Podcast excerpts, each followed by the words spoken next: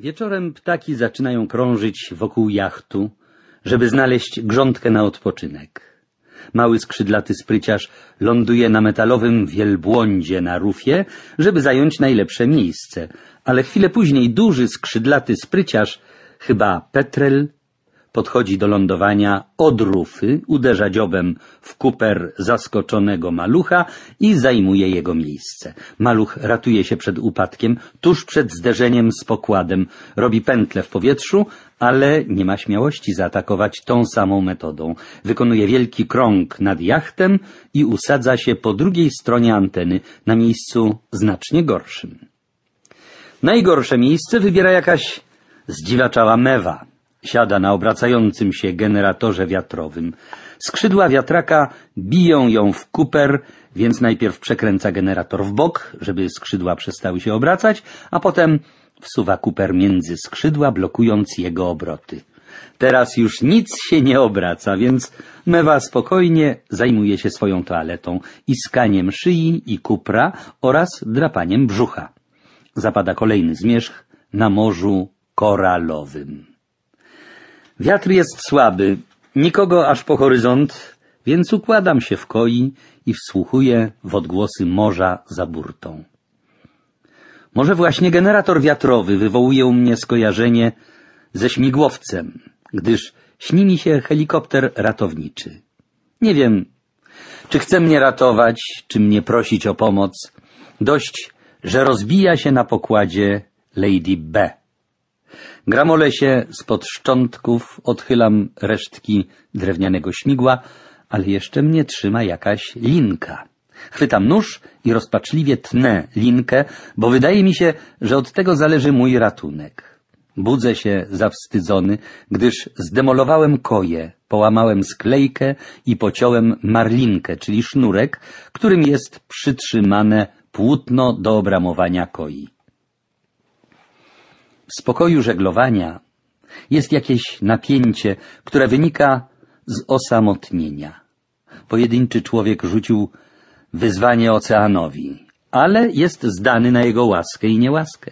Każdy kaprys pogody, każdą większą falę, czy nawet zwierzęta w powietrzu i wodzie trzeba traktować jako godne szacunku zjawiska. Zlekceważę mewę, a ta zniszczy generator. Najadę na wieloryba, a ten ogonem się odwinie i Lady B idzie na dno. Popłynę pod formujący się niż tropikalny i huragan zmiecie mnie z powierzchni morza. To wszystko wywołuje stres, który w trakcie snu robi z człowieka histeryka i neurotyka. Ale żeby zaraz ciąć własną koję? Na dobre, obudzony, wracam na wachtę pokładową antracytowe morze i hebanowe niebo spotykają się na perłowej linii tuż pod czarnymi chmurami. Gwiazdy spokojnie świecą i ich światło mruga na lekko zmarszczonej tafli wody.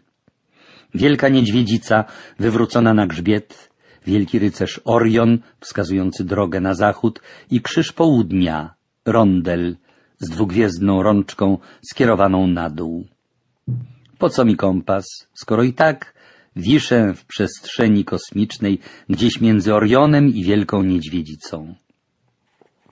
Wokół mnie pustka i pusty mój jacht, a jednak płynę niczym Odyseusz wyprawiony przez nimfę Kalipso, żeby spełniła się wola bogów, a raczej przyjaznej Odyseuszowi Ateny i żebyśmy powrócili w domowe pielesze po rejsie opasującym cały świat.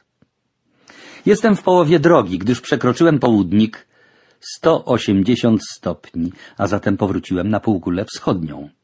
Za międzynarodową linią zmiany daty zgubiłem więc jeden dzień. Płynąc prawie trzydzieści lat temu polonezem na wschód, zyskałem jeden dzień, świętując dwukrotnie niedzielę.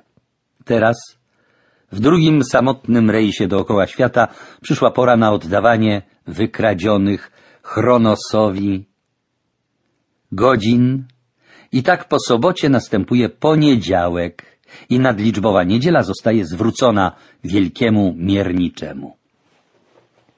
Gdy tak dumam w kokpicie, nagle jakiś podmuch na wschodzie zapalił ognisko za horyzontem.